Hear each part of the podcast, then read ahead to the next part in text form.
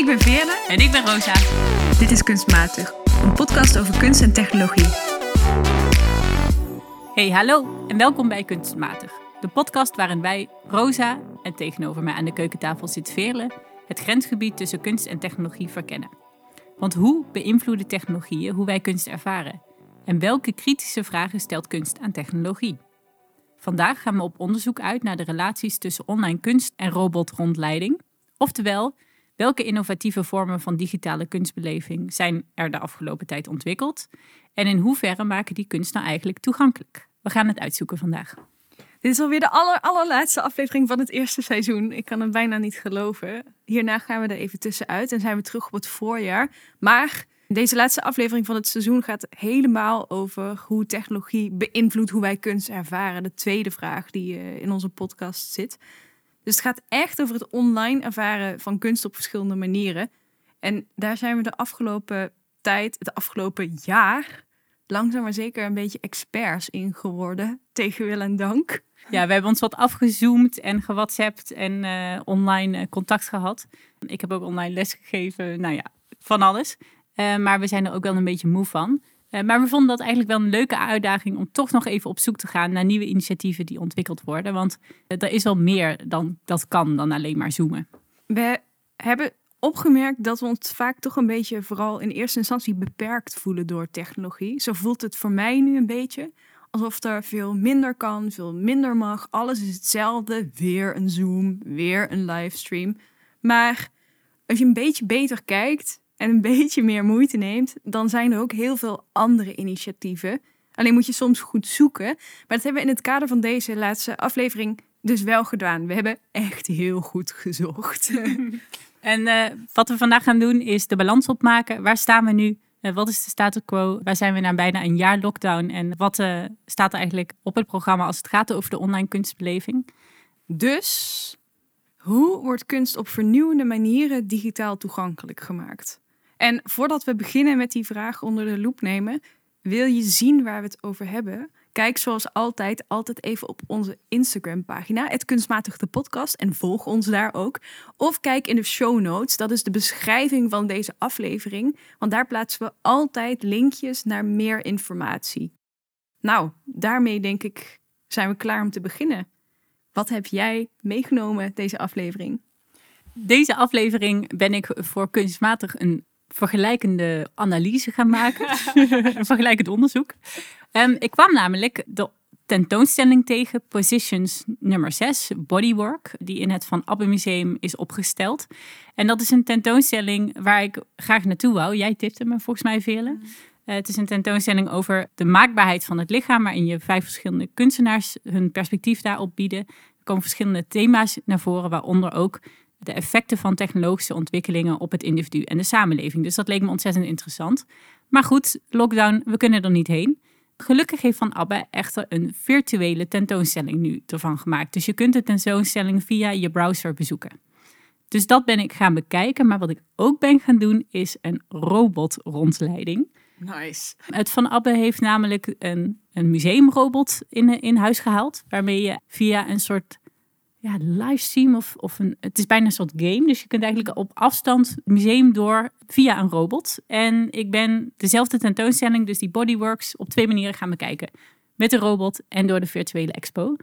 En uh, het leek me leuk om vooral de ervaringen van die twee verschillende manieren van de tentoonstelling bezoeken hier te bespreken. Ik ben heel benieuwd. Bij welke denk je dat we het beste kunnen beginnen? De online versie klinkt mij normaler in de oren dan een robot. Ja, dus de virtuele tentoonstelling is een, ja, het is een webpagina. Je kunt door de verschillende zalen klikken. Mhm. En je ziet daar eigenlijk uh, eh, 3D of uh, hoe zeg je dat, 360 graden foto's beetje ehm, Google Art-achtig. Ja, een beetje Google Art. Precies, dat is de juiste vergelijking. Dus je kunt eigenlijk zo door de ruimte kijken en er staan een aantal icoontjes met informatie. Dan kun je erop klikken en er zijn ook een aantal video's te zien.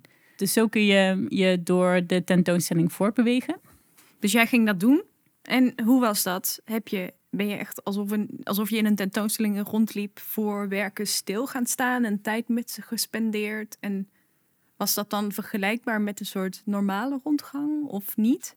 Ik vind het jammer om te zeggen, maar ik was best wel teleurgesteld. Hmm. Ik merkte dat ik heel snel er doorheen klikte, dat ik mijn aandacht niet goed erbij kon houden en de kunstervaring werd gewoon heel beperkt. Maar in welke zin beperkt? Nou, bijvoorbeeld de eerste zaal van de tentoonstelling, daar zie je videokunst van een kunstenaar Zack Blass, die ik heel interessant vind en al een tijd volg.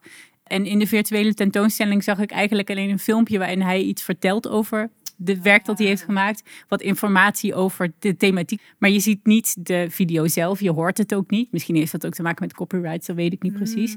Maar de, de manier waarop je de tentoonstelling kunt meekrijgen is vooral eigenlijk informatief. Dus je hoort iets over wat er te zien is. Maar vervolgens kun je eigenlijk helemaal niet bij die ervaring komen. En ik waardeer het heel erg dat Van Abbe een poging heeft gedaan om dit te digitaliseren. En ik erken ook volledig dat dat in deze tijd natuurlijk uh, heel moeilijk is. Maar ik moet ook wel eerlijk zijn dat dit niet een, een tentoonstellingservaring was zoals die ik die zou hebben als ik daarin zou gaan. Oké, dan ben ik meteen benieuwd naar of dat dan in het geval van je robot anders was. Maar daar moeten we even wat meer bij het begin beginnen. Want wat voor robot hebben we het überhaupt over? Ik zie allemaal dingen voor me, maar laten we even alle wilde fantasieën de wereld uithelpen misschien. Ja, het is dus een robot op wieltjes. Dus je hebt twee wieltjes, dan een soort paaltje en daarop staat een scherm. En op dat scherm was ik te zien, dus de bezoeker is op dat scherm te zien. En die robot bevindt zich ook echt in het Van Appen Museum. En je kunt een timeslot boeken. Dan ben je als enige de persoon die met die robot het Van Abbe door kan gaan. En dan kun je ook van tevoren aangeven wat je precies wil zien. Dus ik had aangegeven dat ik graag bodyworks wou zien. En toen werd ik om 11 uur s ochtends eh, opgewacht door iemand van het museum die mij hartelijk uh, verwelkomde. En die zei van, nou, we gaan de tentoonstelling bezoeken. Dus dat was wel heel speciaal. Wow. En toen ging je dan met die medewerkers samen de tentoonstelling in wandelen, rijden. Ja, het was even wat uitvogelen met de technologie. Je navigeert door pijltjes op je laptop. En je bent dus uh, voortdurend te zien en te verstaan ook door die medewerker. En dan kun je ook meer communiceren. Dus ze zei, volg mij. En toen reed ik echt achter haar aan. En nou, je moet op het begin even kijken van, ah, je kunt ook de kunst kapot maken. Dus daarom is het goed dat er iemand bij is. En dan kom, loop je eigenlijk nou, in een bepaalde vorm fysiek door dat museum heen. En dus, toen kwam je aan bij dat, laten we dat werk van Zack Blass weer nemen. Want bij die andere online tentoonstelling variant had je dus alleen de kunstenaar gehoord die vertelde over het werk. En nu wandel je de zaal in. En toen? Ja, het was een totaal andere ervaring. De ruimte die hij heeft gemaakt is heel overweldigend met geluid, licht, videokunst, installatie, eh, objecten, van alles is er aan de hand. En dat krijg je echt best goed mee, vond ik, met die robot. Je ziet de video en je hebt ook, dat vond ik interessant, het fragmentarische wat je ook hebt als je jezelf in een uh, tentoonstelling begeeft. Dus als ik met mijn rug naar de achterkant sta, dan zie ik niet wat daar gebeurt, maar ik hoor het geluid nog wel. En dat was eigenlijk precies hetzelfde met die robot. En zodoende kon ik me door de hele tentoonstelling begeven. En ik denk wat mij het meest verraste is de aandacht die ik erbij had. Want met de virtuele tentoonstelling merkte ik dat ik de hele tijd was afgeleid. Dat ik heel snel doorklikte. Dat ik bij de video's ook dacht van hm, hoe lang duurt dit? En dan kon ik dan niet zien en dan skipte ik het toch. Hmm. Maar met een museumrobot, misschien was het ook denk ik omdat er een museummedewerker bij was die me wat kon vertellen. Maar was die aandacht net zo daar als die er zou zijn als ik in een tentoonstelling was. Dus ik heb ook het hele uur volgemaakt. En ik moest op het einde echt even doorchasen, zeg maar. Wat ontzettend leuk. En die medewerker, die, was dat dan een soort rondleider of was dat echt meer een soort begeleider? Het zat er tussenin. Dus ze vertelde me wel wat informatie over de werken. En we hadden ook wel gesprekjes. Maar ze heeft ook een, in dit geval was het uh, Petra. Uh, en ze heeft me ook gewoon goed geholpen om te zeggen van, oh, je, tot hier en dan niet verder. En er was één zaal um, met zand op de grond. En ik was de eerste die volgens mij met die robot daar naar binnen is gegaan. En toen zei ze ook, we moeten even kijken of dit gaat. Uh, of, of de robot niet gaat omvallen. Of... Dus toen ja, voelde het echt alsof we samen op expeditie gingen door die ruimte. Maar wat bijzonder, want daarmee wordt je hele museumervaring dan ook tactiel. Ik bedoel, normaal gesproken ben je natuurlijk gewoon zelf aan het kijken van... oh, ik ga nu met mijn nieuwe schoenen een kamer in met zand erin. maar je hebt je hebt een, eenzelfde soort ervaring dan, omdat je een robotlichaam hebt waar je ook uh, rekening mee moet houden. Nou, ik was nou ja, echt heel erg verbaasd bij hoe dicht het in de buurt kwam van die ervaring. Die ik zou hebben als ik fysiek naar de tentoonstelling toe zou kunnen gaan. En wat ik ook, als het gaat over die tactiliteit, wat ik interessant vond, is dat ik dus wel ik kon echt het materiaal van de kunstwerken zien. Hmm. Ze konden structuur zien, ik kon zien waar het mee gemaakt was. En dat miste ik een beetje bij de virtuele tentoonstelling. Dan kun je maar deels inzoomen. En je kijkt ook vanaf va- vaste plekken waar de foto's zijn gemaakt. Terwijl met die robot kun je precies daarheen gaan waar jij heen wil. Tegelijkertijd is het bijna een soort minder digitale variant. Ja, niet minder digitaal, Ja. maar het is niet het soort standaard beeld dat je zou hebben bij digitaal. Bij digitaal denk je meteen, oké, daarmee wordt het sneller, wordt het strakker. Als je begrijpt wat ik bedoel. Terwijl hier lijkt deels het tegenovergestelde. Het is juist een beetje misschien kluntiger, een beetje onhandiger, maar daardoor wel ook persoonlijker en tactieler. Dat is wel heel bijzonder, want ik neem altijd maar aan dat een digitale ervaring dan de supersonisch karakter moet hebben. En ik denk dat het vooral komt doordat het uiteindelijk wel fysiek was. Dus er is wel één robot met mijn, mijn hoofd erop. Door, letterlijk door die ruimte live gaan rijden. Dat is toch iets anders dan een registratie waar je een beetje in kunt bewegen. Dus ik denk dat ik het wel.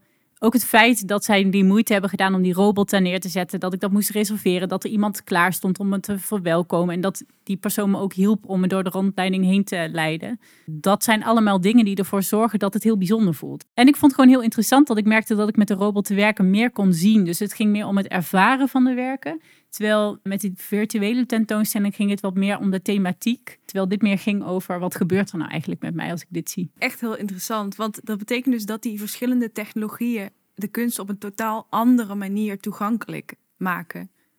En ik vraag me soms af of we daar genoeg bij stilstaan. Wanneer er een bepaalde keuze wordt gemaakt voor een bepaalde technologie, heeft dat consequenties voor hoe dat werk beschikbaar wordt gemaakt. En het lijkt wel alsof, doordat de standaard is geworden om een soort video-achtige variant te vinden, dus video's met informatie of een soort Google Art-achtige beleving, dat zie ik heel erg veel. Dat reduceert kunst tot een bepaalde vorm van Mhm. kunst. Een soort een bepaalde dimensie komt supergoed tot zijn recht. Maar andere dimensies niet. Ja, en ik denk wat ik ook belangrijk vond, is dat ik het gevoel had dat ik veel zeggenschap had. Dus het was echt mijn ervaring van de tentoonstelling. En ik besloot bij bepaalde dingen heel lang te blijven staan en andere dingen een beetje wat sneller door te gaan. Net zoals ik dat zou doen in een echte tentoonstelling. Ik kon echt letterlijk inzoomen op wat ik interessant vond. En dat kon meer dan bij die virtuele tentoonstelling. En daardoor voelde het ook als mijn ervaring. Voelde het meer alsof ik er was geweest. Nou, dit wordt een dubbele kunststofmatig, denk ik. Misschien over het algemeen, die verschillende initiatieven. Maar ik ben ook heel benieuwd per stuk wat je er kunststofmatig aan vond aan deze twee vertalingen van de tentoonstelling naar een online variant van het Van Abbe Museum. Ja, ik moet helaas met pijn in mijn hart toch zeggen dat ik de virtuele tentoonstelling wat matig vond. Ik wil nogmaals echt erkennen, ik weet dat musea een moeilijke tijd hebben en ik vind het fantastisch dat ze toch hun best doen om het zo toegankelijk te maken. Maar ik miste gewoon wel ja, veel van de ervaring die ik had willen hebben bij deze interessante tentoonstelling. De rondleiding met de museumrobot daarentegen was ik heel positief verrast over. Dus dat vind ik echt een mooie innovatie. En ik denk zeker in een tijd als nu dat het echt ook de meerwaarde laat zien en het belang van technologische innovaties op dit soort gebieden. Hè? Want we zitten nu allemaal al, ik weet niet hoe lang thuis. Kijk, ik zit nu in een lockdown en nu word ik hiermee geconfronteerd. Maar er zijn heel veel mensen die elke dag, ook buiten een lockdown, niet in staat zijn om naar een tentoonstelling te gaan. Maar die wel kunst- en cultuurliefhebber zijn. Dus in die zin maakt het denk ik ook kunst toegankelijk voor mensen die nou ja, fysiek niet in staat zijn of mentaal niet in staat zijn om het museum in te gaan. Daar moet ik wel ook een kritische noot bij plaatsen dat ja, het vereist gewoon wel een goede verbinding en technologische kennis. Je moet best veel programma's installeren. Je moet echt even snappen hoe het werkt. Dus je moet niet bang zijn voor technologie. En het laat ook wel weer zien hoe toegankelijkheid ook weer samengaat met afhankelijkheid in deze. Dus het maakt je heel afhankelijk van die technologie. ehm, als dat de enige manier is waarop je de kunstervaring kunt hebben. Maar goed, overal ben ik eh, positief verrast. En ik zou zeggen, ga het zeker ook een keer uitproberen zelf. En eh shout-out naar Petra. Wat heb jij meegenomen voor de laatste aflevering van seizoen 1? Nou. Oh. ik zal je de details besparen. Maar ik heb me toch een tocht afgelegd om iets te vinden, om mee te nemen. Want ik heb verwoede pogingen gedaan. Ik zou eerst naar een voorstelling gaan die plaatsvindt over WhatsApp. Ik vertel er straks iets meer over. Maar toen waren er technische issues. En die voorstelling die begint pas over anderhalve week. Veel te laat dus voor mij. Dus dat was uitgesteld. Ik op zoek naar iets nieuws online. Toen zag ik dat uh, Micha Wertheim, cabaretier, een virtuele interactieve voorstelling deed. Ik kaartjes geboekt, helemaal zin in. Technische problemen bij de livestream. Ik dacht nog, gewoon, ik heb een kwartier gedacht, misschien hoort dit erbij. Dit is vast conceptueel. Bleek niet conceptueel te zijn. Dus dat is ook verplaatst. Nou, toen zat ik een beetje met mijn handen in het haar en dacht ik ook een aflevering over online kunst. En de eerste twee voorstellingen waar ik heen wil worden uitgesteld door technische problemen. Toen werd ik een beetje gefrustreerd. Maar toen zat ik weer eens op Instagram te scrollen. En toen kwam ik iets tegen van Mares. Mares is het huis voor hedendaagse cultuur hier in Maastricht. En die deelde een manier om kunst te ervaren in de lockdown. Namelijk hun onzichtbare collectie. En toen dacht ik, nou, dit wordt het. Dit ga ik meenemen. Dit is er al. Dit kan niet meer op het laatste moment misgaan. Dus let's go. Dus daar heb ik me in verdiept. Toen bleek dat de Onzichtbare Collectie een project was dat ooit begonnen is bij Mediamatic in Amsterdam in 2018 tijdens een museumnacht. De vraag die aan de Onzichtbare Collectie ten grondslag lag was: hoe is het om geen kunst te kunnen bekijken? Dus hoe ervaar je kunst zonder dat je deze kunt zien? Heel interessant, want ik merk dat ik meteen aan jou wil vragen: hoe ziet dat eruit, een onzichtbare collectie? Maar niet dus. Het werd toen op die museumnacht in 2018 gepresenteerd voor mensen met een visuele beperking. Mhm. En de collectie, ik zal maar even vertellen hoe die er dan uitziet. De collectie is een verzameling audio-omschrijvingen van visuele werken, van kunstwerken. En in eerste instantie, dus in Mediamatic toen, werd die verteld door allerlei kunstkenners. Dus echt hoog pieven. Denk directeurs, journalisten, kunsthistorici. En het idee was dus dat zij zelf een kunstwerk uitkozen dat bijzonder voor ze was. En dus vertelde hoe zij, en ik quote, voelen, ruiken, fantaseren of horen als ze aan dit kunstwerk denken. Dus de onzichtbare collectie zijn echt een soort mini-podcasts bijna waarin mensen vertellen over een favoriet werk. En als ik het goed begrijp, gaat het dus niet alleen over wat iemand die kan zien ziet, maar vooral wat het ook met die persoon doet. Klopt dat? Ja, tenminste, zo werd het wel gepresenteerd. En dat is wel een mooi uitgangspunt natuurlijk. Dus dat prikkelde mij wel om er verder in te gaan duiken. En toen zag ik al gauw dat bij Mares, waar ik het nu dus vooral over ga hebben, wilden ze dit project doorontwikkelen als een soort educatieproject. Waarin kinderen kunnen leren hoe ze, hoe ze kijken, hoe ze ervaren en hoe ze woorden kunnen geven aan de fantasie die ze bij hun kunstwerk hebben. Super mooi uitgangspunt, dacht ik. En dat maakte me ook meteen nieuwsgierig. Want hoe doe je dat dan? En die, die omschrijvingen hebben ze net zoals die van de kunstkenners ontsloten op hun website. Dus daar kun je ook allemaal naar luisteren. Mijn persoonlijke favoriet. Dit is een jongetje van negen en die heeft het over zijn favoriete ding in een museum. En dat is de Mosasaurus. Ah. In het Natuurhistorisch Museum in Maastricht. Het was een waterdier. Wat leuk in de, um, ja, in de water um, zeg maar zwemt. En toen in één keer ging ik terug in de tijd. En toen ging ik dus terug in de tijd alsof ik in het water was. En alsof ik gewoon die mosasaurus zag zwemmen recht voor mijn neus. En het leek alsof hij best aardig was. Maar op een gegeven moment toen, kwam ik, toen zag ik dat hij ook uh, vlees eten was. Dus hij at heel veel vissen op. Um, ik weet niet of hij ook haaien op at. Ah, dit brengt me helemaal terug naar groep 4 of zo. Toen ik ook zelf in het uh, Natuurhistorisch Museum stond en dit uh, zag. En heel erg daarvan onder de indruk was. Mij ook. Maar ik had ook, eerlijk is eerlijk, ik laat ook deze horen. Omdat dit een van de stukken uit de onzichtbare collectie was die ik best wel goed vond. Want je gaat echt mee in zijn fantasie. Ja. En daarmee zie je heel erg zijn verwondering en hoe dat museumstuk gaat leven voor hem.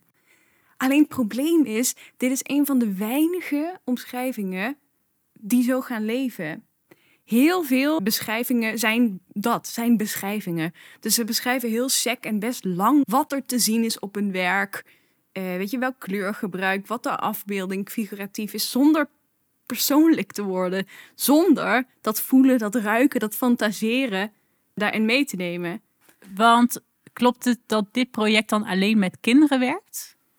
Nou, dat dacht ik. En dat is volgens mij een poosje het uitgangspunt geweest.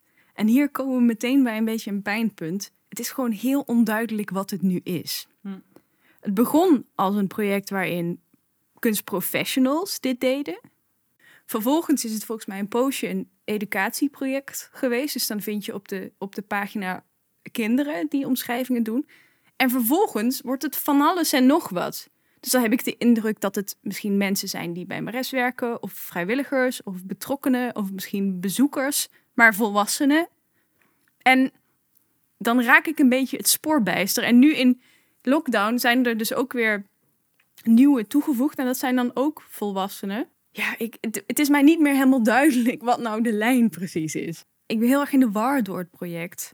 Want wat is het nou? Het is een heel klein beetje van alles en daarmee een beetje van niks. Want ja, het is zo opengelaten. Het is überhaupt al zo opengelaten, want het is je favoriete kunstwerk. Nou ja, dan heb je dus alles van een zelfportret van Rembrandt tot een mosasaurus. Dat is al best wel breed. Dus dan zou je denken, oké, dan moet er ergens anders, of dat verwacht ik dan, dan moet er ergens anders een soort lijn getrokken worden in het soort verhalen dan dat er verteld wordt. Dat leek in het begin ook gedaan, namelijk heel erg met die nadruk op die zintuigelijke ervaring ervan. Maar dat komt dan weer niet terug in alle verhalen. En ja, dan mis ik heel erg dat het meer wordt dan een soort voorgelezen muurtekst. Ja, dat begrijp ik wel. En als je dat zo ervaart, dan is het ook goed om daar eerlijk over te zijn. Ja. Ja, hoe graag we het ook willen. Wat ik een beetje hoor in je verhaal is dat we hier toch tegen de grenzen lijken aan te lopen van innovatie ook wel. En wat, en wat technologie kan doen.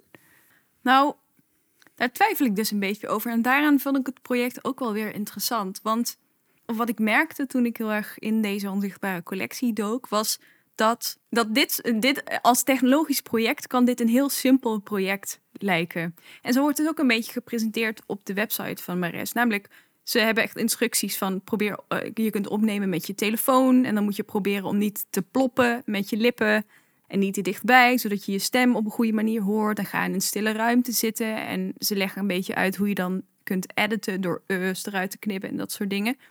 Maar toch verschilt dan bijvoorbeeld de kwaliteit van die opnames heel erg. Bij de ene zit het wel helemaal vol met eus. Bij de andere hoor je allemaal voorbijrazende auto's of hoor je een soort storende zoom. En dan blijkt dus dat zelf soort huistuin- en keuken technologische innovatie, want in principe is dit natuurlijk niet zo ingewikkeld, eh, technologisch gezien, dat zelfs dat best wel een bepaald soort strengheid en meer werk vergt om daar lijn in aan te brengen. En datzelfde geldt voor de online ruimte. Ik vond het gewoon heel frappant dat de aandacht voor ruimte die in een kunstinstelling altijd waanzinnig groot is. Maar echt waanzinnig groot. Het zijn echt experts in het inrichten van ruimte. En nadenken over waar je je tekstjes hangt, waar je je werken neerzet, hoe ze zich tot elkaar verhouden. Dat ontbreekt heel erg in die digitale ruimte die de website is. En daar valt nog heel veel te leren. Het is niet vanzelfsprekend om een website in te richten. Het is niet vanzelfsprekend om audiobestanden zomaar daarop te zetten en dan vinden mensen hun weg wel. Want dat doen ze in je museum of in je kunstinstelling ook niet. Mensen vinden niet zomaar hun weg. Dus ook bij die online kunstervaringen hebben we een vorm van rondleiding of van sturing nodig. Om ja, echt tot de kern te komen. Oké, Ville, kunst of matig? Ja, ik vind het heel moeilijk, maar ik vrees toch dat ik meer naar, naar matig neig in dit geval. Omdat het heeft zoveel potentie. En natuurlijk zitten er goede kanten aan dit project. Zoals jij ook al zei, ik denk dat er een heel aantal, een heel aantal van deze opnames ontzettend waardevol zijn. En ook die favoriete werken kunnen ontsluiten voor mensen die ze niet in het echt kunnen zien. Dat is nu iedereen. Maar in sommige gevallen zijn dat misschien inderdaad mensen met een visuele beperking. Dan kan ik me voorstellen dat dit echt onwijs leuk en onwijs mooie manier is om kunst, via de ogen van iemand die dat kunstwerk lief heeft te leren kennen. Maar het project als geheel is zo ongrijpbaar. En ik raak er zo van in de war dat ik geen zin heb om er heel veel tijd mee te spenderen. En dat is onwijs jammer, want je zou juist wel willen dat ik helemaal zin had gekregen om heel veel tijd te spenderen met juist die kunstwerken die al die mensen zo, zo ontzettend mooi vinden.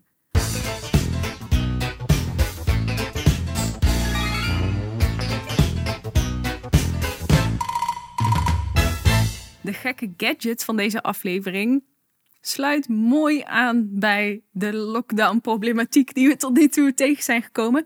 De gadget is namelijk een mondmasker en wel een heel speciaal mondmasker dat ons getipt werd door luisteraar Emmy. Het is een LED, een LED mondmasker gemaakt door game designer Tyler Glale. En dat is een zwart masker met allerlei LED-lampjes erin verwerkt, waardoor je dus emoticons erop kunt laten zien. Maar het Jabbermask, want zo heet het, is vooral interessant als gadget omdat de ontwerper een technologie heeft ontwikkeld of aan het ontwikkelen is. Want het stond op Kickstarter. Het is al helemaal gefund. Het is, ze hebben genoeg geld opgehaald. Maar hij heeft een technologie ontwikkeld die stemgestuurd is. Waardoor de ledlampjes een mond vormen die dezelfde bewegingen maakt als jouw mond als je spreekt. En nu tijdens de lockdown zullen we allemaal wel het probleem herkennen dat je je emotie wil uiten, maar dat maar heel beperkt gaat omdat alleen je ogen zichtbaar zijn. En daar, het Jabbermask lost dat probleem eigenlijk op. En ik zag toevallig gisteren dat er een test werd gedaan in Utrecht met uh, theaterconcerten die voor 500 mensen toegankelijk waren. En dan gingen ze testen hoe dat dan zat met corona. En toen was er een meisje die zei, ja je ziet het niet, maar onder dit masker ben ik heel hard aan het lachen. en toen dacht ik, oh dit gebeurt me ook heel vaak. Maar de Jabbermask is daar dus een oplossing voor. En het is heel grappig, want als je het filmpje bekijkt, dan zie je dat het dus... Nou, het is best wel indrukwekkend dat dat ding dus je, je stem kan horen. En dus een soort echt een visueel mondje dat dan met je meepraat. Het lijkt een beetje, je lijkt echt een beetje op een Muppet, want het gaat zo heel suf heen en weer natuurlijk, maar het werkt wel echt. En als je dus lacht, ook als je, eh, je hij kan natuurlijk niet horen dat je glimlacht, want dat maakt geen geluid. Dus in plaats daarvan kun je dan zo doen. En dan lacht het masker. En dat is een hele grappige gimmick aan de ene kant. Het ziet er heel komisch uit. Je moet echt even checken hoe het eruit ziet. Maar volgens mij is het ook een hele interessante en relevante gadget op twee manieren. Namelijk, dit gaat ontzettend over alle non-verbale communicatie die we nu missen in de openbare ruimte.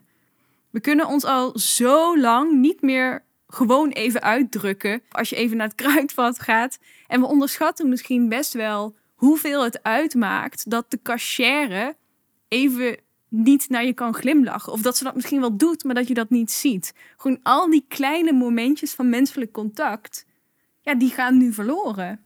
En wat ik ook interessant vind aan dit masker, is dat het een oplossing deels biedt, misschien, voor mensen voor wie non-verbale communicatie de belangrijkste manier is om, of heel belangrijk is om iemand anders te begrijpen. Dus liplezen bijvoorbeeld. Dat valt nou natuurlijk helemaal weg nu met die mondmaskers. En uh, met de Jabbermask komt dat weer een beetje terug. Dus dat aspect vind ik er ook wel heel uh, veelbelovend aan. Dus het is een grappige gimmick omdat het er heel komisch uitziet. Je bent echt een soort muppet. Echt alsof je zo Sesamstraat in kunt. Maar tegelijkertijd wijst het naar een probleem waar we niet zo mee bezig zijn. Wat voor sommige mensen nog een veel groter probleem is dan voor anderen. Het is niet meteen een oplossing, maar het is wel een speelse technologie die ontwikkeld wordt en die misschien wel opgepakt kan worden naar iets dat echt mensen gaat helpen op den duur op een sokkeltje. Deze keer in Op een Sokkeltje eindigen met een aantal lockdown tips. We hadden vorige keer al een speciaal corona lockdown project in de spotlight gezet. En het leek ons leuk om de laatste aflevering van seizoen 1 af te sluiten met een reeks aan tips. Dingen die we zelf nog willen gaan zien of die we onlangs gezien hebben. En die ervoor zorgen dat we deze rare tijd toch op een culturele, kunstige manier kunnen doorkomen. Ik wil beginnen met een van de voorstellingen die voor mij dus niet gecanceld werd, maar uitgesteld werd. En dat is de voorstelling, de theatervoorstelling Watch App. Dus niet WhatsApp, maar Watch App van Kijk App. Door Skagen, dat is een Vlaams uh, theatercollectief. En De Studio, dat is een theaterhuis in Antwerpen. En zij hebben een voorstelling gemaakt en die heet dus Watch App 2. Er was ook een 1, maar ik ga naar 2. Emmy en Leo live. Het is een voorstelling die zich volledig via WhatsApp afspeelt. Het duurt dus 2,5 week. En je kan als het ware meegluren hoe twee mensen, twee acteurs, twee personages elkaar leren kennen via een ongeluk verkeerd contact, dan ontspint zich een heel verhaal. En mijn voorstelling begint dus later dan ik had gepland. Die begint op 24 februari, maar ze spelen hem nog vaker. Dus ik zou zeker even kijken als je ook zo benieuwd bent zoals ik. Want ik ben echt gefascineerd hierdoor. Omdat het mij lijkt dat deze makers, deze theatermakers, echt hebben gedacht: wat is het nou dat mensen missen aan theatervoorstellingen? Wat is het nou dat, mensen, dat theater zo bijzonder maakt als ervaring? En in plaats van de bestaande vorm van een toneelstuk één op één soort van te kopiëren naar een video of naar een livestream, wat je natuurlijk best wel veel ziet, hebben ze juist gedacht: hoe kunnen we nou de, de intimiteit tussen personages, dus echt dat gevoel dat je in het theater helemaal in iemand anders leven kunt kruipen, dat gevoel wat ik ook zo lekker vind aan naar het theater gaan, hoe kun je dat nou meemaken tijdens een lockdown? Hoe kun je dat nou doen? En zij kwamen dus op WhatsApp. Een plek waar we lief en leed delen in deze tijden.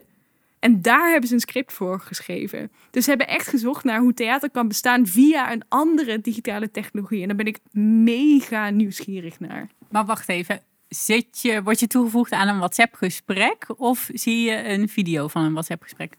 Nou, dat weet ik dus niet precies. Eerst was het zo dat je dus inderdaad in een soort gigantische groepsapp zat waar je mee keek. Nu hebben ze een speciale app, maar het is nog steeds in real time. Het is geen video, dus je krijgt gewoon soms midden in de nacht berichtjes. Dus ze zeggen ook, zet je telefoon op stil tijdens deze 2,5 week s'nachts. Want ja, Emmy en Leo zouden best wel eens s'nachts kunnen gaan spelen. Of niet spelen, appen met elkaar. Super spannend en een eh, leuk ongoing project. Ik ben heel benieuwd. Mijn eh, lockdown tip heeft ook met theater te maken. Het zijn namelijk de online voorstellingen van ITA, voormalig toneelgroep Amsterdam. Ik bezocht de livestream van Weg met Eddie Bellegul uh, naar de roman van Edouard Louis onder regie van Eline Arbo. En dit is een voorstelling die in 2020 ook de theaters is ingegaan en veel lovende kritieken kreeg. Ik had hem toen gemist, dus het was een uitgelezen kans om die nog een keertje online te bekijken. Was eenmalig, het was dus een livestream, maar ik was ontzettend onder de indruk van de kwaliteit. Het was heel spannend dat je zag dat de acteurs live aan het zweten waren, soms ook een verspreking maakten. je voelde de spanning van het momentum. En dat vond ik wel echt een, ja, een bijzondere ervaring. Ook was het leuk dat je gewoon dan daar moest zijn. Het voelde wel een beetje alsof ik een avondje naar het theater Mm. ging. Ja, en echt die concentratie en die inspanning van de acteurs kwam heel goed over. En ik vond het een hele fijne afwisseling met weer een avond series kijken en films kijken. En ITA heeft een hele reeks aan livestreams, van allerlei verschillende voorstellingen. Dus hou je van theater, dan is dit echt wel de moeite waard. En dan heb ik nog één laatste lockdown tip voordat we je weer gaan verlaten. En dat is het Lockdown Archief en het geluidenabonnement van de Nederlandse kunstenares Elise het Hart. Elise het Hart heeft het Instituut voor Huisgeluid opgericht, waarin ze aandacht vraagt en werken maakt met alledaagse geluiden. Dus geluiden die je echt elke dag om je heen hoort, maar waar je nooit echt naar luistert. En door die op te nemen en aandacht te geven, word je je veel bewuster van al die geluiden om je heen. En de afgelopen maanden heeft ze gewerkt aan een lockdown-archief. En daarin legt ze met behulp van het publiek een archief aan van de geluiden die typerend zijn voor deze lockdown. Omdat zij denkt dat die geluiden ons best wel veel vertellen over de tijd waarin we nu leven. Misschien nu al, maar ook later. Het is in die zin echt een archief. En in het archief zitten allerlei verschillende geluiden. Dus bijvoorbeeld het geluid van uh, tikken op een toetsenbord. Of het geluid van spelende kinderen. Of een schuurmachine bij een lokaal cafeetje dat dat maar eens gaan verbouwen.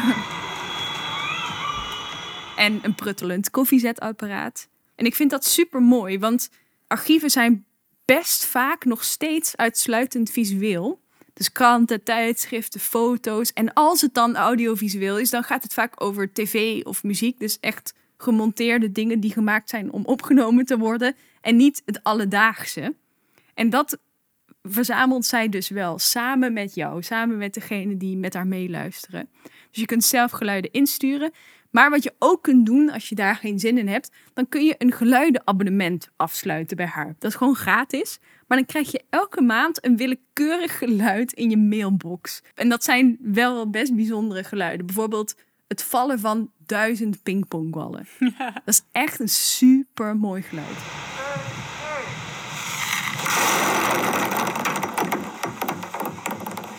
En daarmee zijn we aan het einde gekomen van aflevering 8 en ook van seizoen 1. Het is voorbij gevlogen. En ik eh, denk dat we nog steeds ongelooflijk veel te bespreken hebben over kunst en technologie. Dus we horen je graag terug in seizoen 2 in het voorjaar. En nog heel even over vandaag. Hè? Hoe wordt kunst op vernieuwende manieren digitaal toegankelijk gemaakt? Nou, als er iets duidelijk is, is dat iedereen kei en keihard zijn best doet. Eh, individuele kunstenaars, hele theatergezelschappen, culturele instellingen. Iedereen zoekt naar manieren om dat op een goede manier te doen.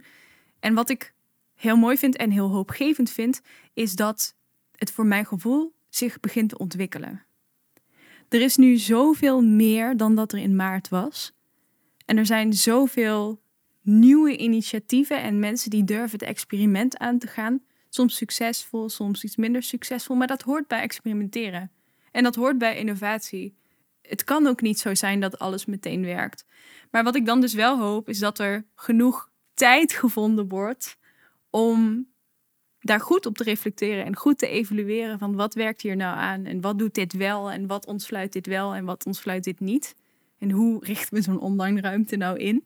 Ja, en tegelijkertijd vanuit het perspectief van een bezoeker of een kunstliefhebber merk ik dat deze tijd me echt over een drempel heen heeft getrokken. Ik heb nog nooit zo vaak online kunst beleefd. Ja. En het wordt ook steeds normaler. En daardoor ben ik ook steeds nieuwsgieriger geworden naar wat er allemaal te vinden is. En ik denk wel die doorlopende innovatie, dat die je ook wel nieuwsgierig houdt. Dus het gaat soms met vallen en opstaan. Soms zitten er mankementen aan. En er zijn, ik bedoel, het probleem van de toegankelijkheid van technologie aan zich, dat is gewoon daar. Maar tegelijkertijd vind ik het ook mooi om te zien hoe weerbaar veel kunstinstellingen en kunstenaars zijn en hoe ze durven innoveren. Ondanks het feit dat dit gewoon een hele moeilijke tijd is. En ook dat, ondanks het feit dat ik als bezoeker natuurlijk ook heel erg de fysieke ruimte mis. Nou, ik heb door mijn stunteltocht heb ik nog twee voorstellingen sowieso te goed. Dus wij gaan gewoon lekker vrolijk verder. En we hopen dat jij dat ook doet. En het zou super leuk zijn als jij in de komende maanden iets tegenkomt wa- waarvan je denkt: Nou, Roos en Veerle, dit moeten jullie bespreken. Waarom hebben jullie het nog nooit over mode gehad? Of over popmuziek? Of over, nou, noem het maar. Stuur het ons alsjeblieft op. Info at kunstmatigdepodcast.nl kun je ons e-mailen. Vinden we heel leuk. En eh, ondertussen denken wij ook hard verder voor het volgende seizoen. En dan zien we je op het voorjaar. Tot in de lente. Tot dan! Doei!